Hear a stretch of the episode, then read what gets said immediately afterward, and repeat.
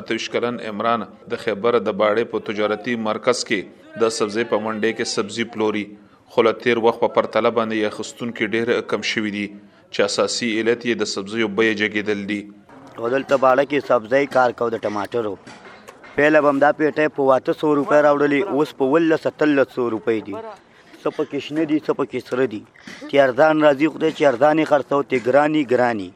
ګران خو هسې هم ګران دي مخکې به هم په شپږو سوه روپۍ پیټۍ راوړه اوس په اوولس سوه اتلس سوه دوه زره روپۍ پیټۍ راوړو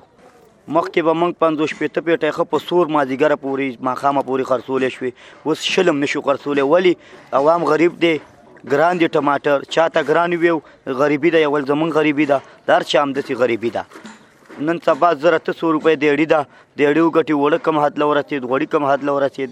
کم کم شی به پیلي څه بیمارې نه شي څه هسپتالونه شي مړی ژوندی شي په دې زره ته سور پوخلو الله کې ګزاره کړي صدام حسین په سبزی منډي کې د وزرو کلدارو سبزی د کور لپاره واخیسته خو دوی وایي چې د نیمایې نه سوای د سبزی بیې جګې شوې دي او دا شند کور ضرورت ورته پوره کول ګران شوې دي سبزی خو مخکې داسې و چې مطلب د هر څه په دایره کې نه نه اوس ډیره زیاته ګرانه شوې د غریب سړي واس نه بهر خبره ځکه چې اوس پیاز چې کم دی مخکې په 50 شپېته روپې سیر ملاوېدل اوس په څلور سوه دي نو د یو اوه اتو سوه روپو دیاړې والا نه دا به څنګه اخلي مطلب یو سر خو چې ډېر وشي درې ورځې کار به وکړي نو د غریب سړي د وس نه دا شی بیخي بهر وتی دی ټماټر به موږ مخکې په تیس پینتیس چالیس روپۍ سیر وو چې ډېر به ګران شول پچاس روپۍ نن سبا کم از کم دوه سوه شل کم دوه سوه دوه سوه شل داسې ریټ چلېږي دا کم از کم یې ست زر روپو سامان دی دا چې ما مخکې اخیستو چبیسو ستایسو ما وړه خونه نو داسې غټه خونه چې وي حساب یې کوه اوس چې دا کوم ځای ته کوم حد ته رسېږي دا خبره په پاکستان کې د سبزیو بیې له هغې وروسته جګې شوې دي چې د گاونډي هیواد د هند نه وروسته د افغانستان او د ایران سره دوه اړخیزه تجارت تړلې شوې دي د جنوري په 12 مه نیټه د شپې نا وخته پاکستاني مقاماتو پریکړه وکړه چې سهار به یوازې په تورخم پوله باندې افغانستان ته هغه مال وړونکو ګاډو ته د تلو راتلو اجازه ورکول کیږي چې ډریورانو کلندراني ویزه او پاسپورت ولري د دغه یاد ستونزې لامل دوه اړخیزه تجارت وتړل شو که څه هم په پوله باندې د دواړو هیوادونو د مقاماتو ترمنځ لیده کتنې وشوې خو پکې هیڅ پرمختګونه ونه شول دغه شان د جنوري په 19 نیټه باندې ایران د پاکستان په خوره په هوایي بریدونو کې ځنې شکمن ځایونه په نخښه کړل او ادعا یې وکړه چې دا د وسلوالو ډلو پټ ځایونه وو چې په ایران کې بریدونه ترسره کوي ورپسې په بله ورځ باندې په العکس العمل کې پاکستان هم د ایران په خاوره کې ځینې شکمن ځایونه په نښه کړل چې له امله یې د دواړو هېوادونو ترمنځ اړیکې ترینګلې شوې او دوه اړخیز تجارت وتړل شو. پر اوس مهال باندې د پاکستان د افغانستان، ایران او د هند سره دوه اړخیز تجارت په ټپه درېدلی دی چې له امله یې د نورو شیانو ترڅنګ د خوراکي توکو بیې جګې شوې دي. قاري نظام ګل شینواري د اوږدې مودې راهیسې د پاکستان او د افغانستان ترمنځ د کېدونکي تجارت سره تړلی دی. دوی په ځانګړې مرکه کې د اس بي اس راډیو سره په خبرو کې وویل چې د پاکستان د سختو پالیسیو له امله د دواړو هېوادونو تجارت ته لویه ضربه رسېدلې ده او پر اوسمهال کې تجاران د لوی مشکل سره مخامخ دي. د دوی پر وینا چې د سختو تجارتي پالیسیو له امله ایران د افغانستان مارکیټ نیولې دي او په سلو کې او یا برخه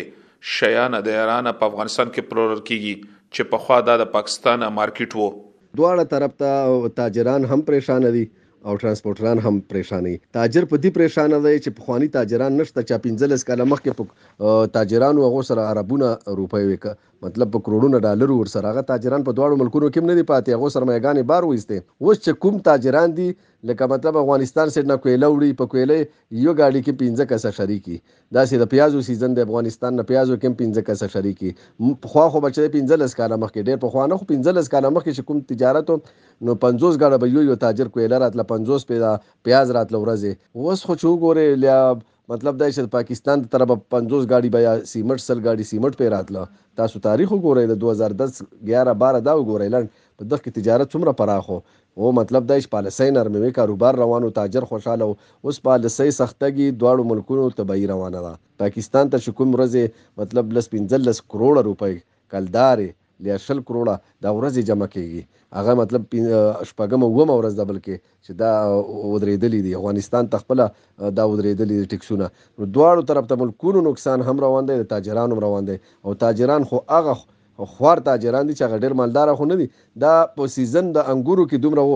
وځپلی شو چه په انګورو او انارو سیزنو د افغان تاجر چه دی دا خو مال خامخا پاکستانی له ورکی نو پاکستانی تاجر راځی دلته میاشت مخکی له یا کال مخکی سوداګانی یې کړی په دغه کې دواړو تاجرانو تبعی وشو د پاکستان او د افغانستان تاجرانو نو موږ دا کوم سوچ او هغه چې ګورو دې سره مطلب دا چې آینده لپاره د دواړو ملکونو تجارت مشکل ده کوه که تاجر تاجر بس لاړ تاجر زیات ایران ته شو مونږ نه په افغانستان کی څومره مارکیټ شو دا ایران په قبضه کی دی اوس ته چه سټور له لاړ شی ته چه هر ځای له په افغانستان کی دوکان له لاړ شی که خوراکی مواد دی که کپړی دی که بوټ دی دا ټول ایران تاجکستان هندوستان دغه شیونه دی خو ایران پکی ستر فیصد روان دی زمونږ ستر فیصد د مارکیټ نه وتلی یو افغانستان مارکیټ نه دا د غلطو پالیسیو د ظلم پالیسیو چه نه کله ویزی بانه شی کله پاسپورت بانه شی کله څه شی نو دغه سره زموږ نقصان د پاکستان خړ ډیر روان دی. ثاقب او انور د اوږدې مودې راهیسې په توکو حساب سره د سبزیو د پلورلو کار په منډهيي کې کوي. دوی وي چې د پخوا په پرتله یې روزګار ډېر اغېزمن شوی دی او اخیستونکي یې په نشت حساب دي. دوی وویل چې یو خوا په یخنۍ کې د شنو سبزیو پیداوار راکم شي، نو بل خوا د ګاونډي هېوادونو سره د تجارت د تړلو له امله د سبزیو بیې ډېرې جګې شي چې بیا یې عادي وګړي د اخیستو وس نه لري.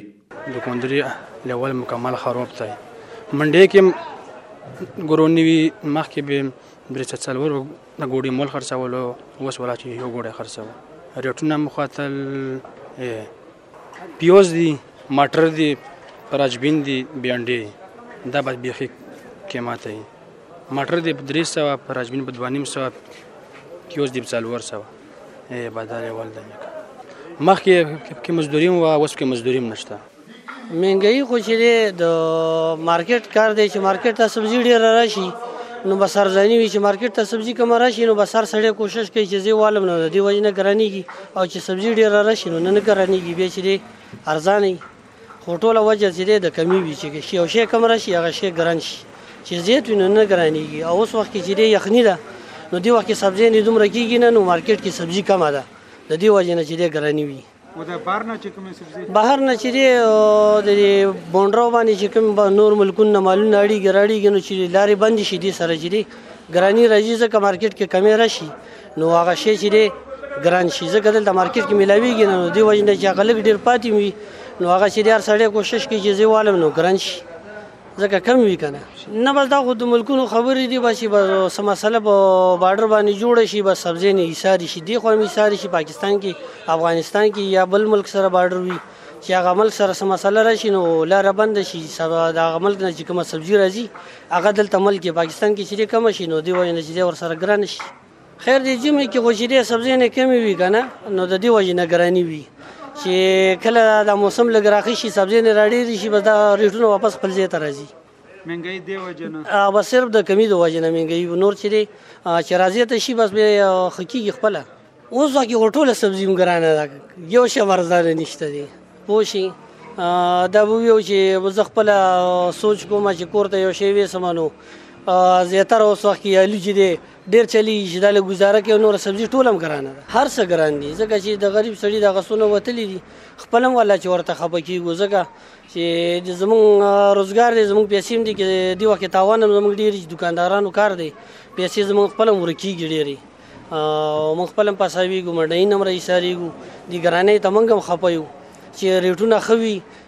زموږ پیسې هم دومره نه ګیریږي دکانداران هم ورسره خوشحالي که ورسره خرابیږي هم ولا نه خفه کیږي دې وخت کې دکاندار هم خفه چې سبزي خرابیږي دکاندار هم خفه کیږي ځکه تاوان یې ډېر وي شی ګران نو تاوان یې ډېر او چې بیا ارزانه نو بیا د تاوان دومره نه دکاندار نه خفه کوي قاری نظام ګل شینواری وایي چې د دې نه وړاندې په افغانستان کې چې د انګور او د انار سیزن پیل شو نو د پاکستان لخوا بیلابیلې ستونزې رامخې ته شوې چې له امله یې تجارانو لوی مالي زیان پورته کړو دوی وویل چې د پاکستان او د افغانستان ترمنځ پر اوس مهال باندې تجارت تر ټولو ټیټې کچې ته رارسېدلی دی دوی د یو سوال په ځواب کې زیاته کړه چې کچرته کې پراتلونکي وخت کې پاکستان د افغانستان سره د تجارت لپاره پالیسي نرمې نکړي نو دغه اندېښنه شتون لري چې د دواړو هوادونو ترمنځ به په بشپړه توګه تجارت لمنځه ولاړ شي د دوی پر وینا چې د پاکستان په بیلابیلو برخو کې ګڼ شمیر فابریکې په بشپړه توګه تړلې شوې دي چې اساسي علت یې د افغان تجارانو د دوی نه د مال نه اخستل دي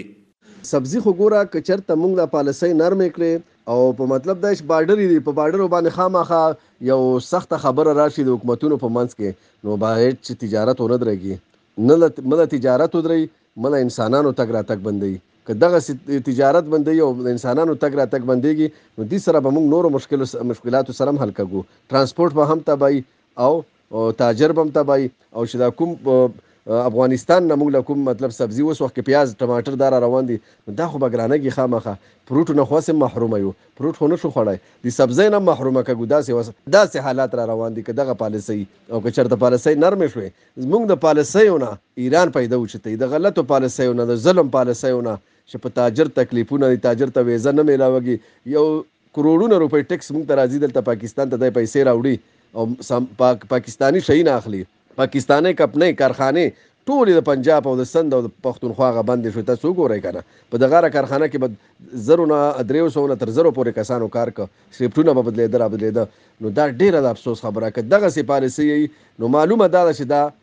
مطلب دا چې دا ایران به ډیره زیاته استفاده او ډیره زیاته ترقی به دي سره وکړه او ایران خوشاله په دې ده چې دوی پالیسي او دوی دا ویزه تکلیفونه تاجرانو ته افغانانو ته جوړي تاسو راشئ کنه موږ په افغانستان کې ګورو موږ مرګري ایران د سفارت نه ورته ټلیفون شي کونسلیټ نه ورته ټلیفون شي چې راشه ته ولې ایران ته نه ځې تا ویزه ختمه ولې نه ځې تاته څه تکلیف دی نو هغه دومره سهولت ورکړی مونږ چه په تورخام باډر یا په بل باډر باندی تاجر ځی تر هغه کارخانو پوری وله څومره لغتی ورکوو د کروړاو روپو سړی عزت خو نه شو ورکولی بی عزته کوو یا نو دا ټول ظلم دی که دغه ظلم دغسی روان وی نو هلته به ایران مطلب دا چه پیدا اوچته وی. د تورخم د لارې د بندیز له امله د سوونو په شمیر ګاډي د پولې یو خوا او بل خوا ولاړ دي. قاري نظام ګل شینواري وویل چې په اوس وخت کې د افغان تجارانو د نورو هوادونو په لور توجه ګرځیدلې ده او غواړي چې په نورو هوادونو کې سرمایه ګزاري وکړي د چرته نه چې دوی په اسانه باندې خپل تجارتي مالونه افغانستان ته راوړي کله نه چې ګیټ ته تورخام نو ګنټې 10 ګنټې بچلې دا غو وخت کې کنه 2010 11 تر 2017 پورې ومخیل بیا چې کله پی ټی آی حکومت راغی نو 24 ګنټې شو چې کله دا ګیټ نهه لس ګنټې چلېده په دې کې به دو هزار پورې اېکسپورټ امپورټ کېده ښه دو هزار ګاډي دو هزار بائیس سو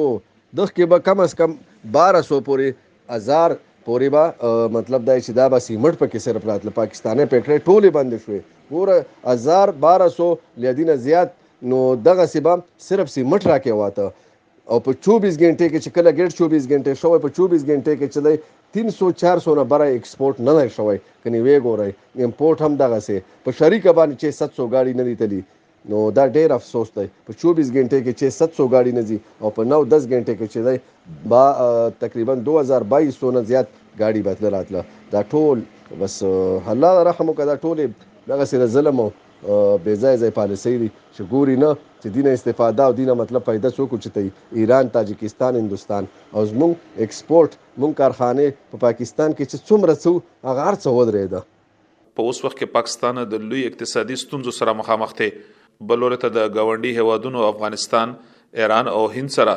تجارت هم په بشپړه توګه باندې د شخړو له امله تړلی شوی دی. چې له امله یې نه یوازې تجارانو بلکې عادي وګړو ته هم یو شمېر ستونزې راولاړې شوې دي د وړاندې نه په پاکستان کې د خوراکي توکو او د امروزه سیزونو د استعمال بیې ډېرې زیاتې جګې شوې دي د اقتصادي چارو کارپوهان وایي چې کچرته کې پاکستان پر اتلونکو وخت کې د گاونډي هیوادونو سره د تجارت لپاره پالیسي اسانه نکړي نو هیواد بلا پسې د ډېرو اقتصادي ستونزو سره مخامخ شي اسلام ګل افریدي اس بي اس رادیو پیښور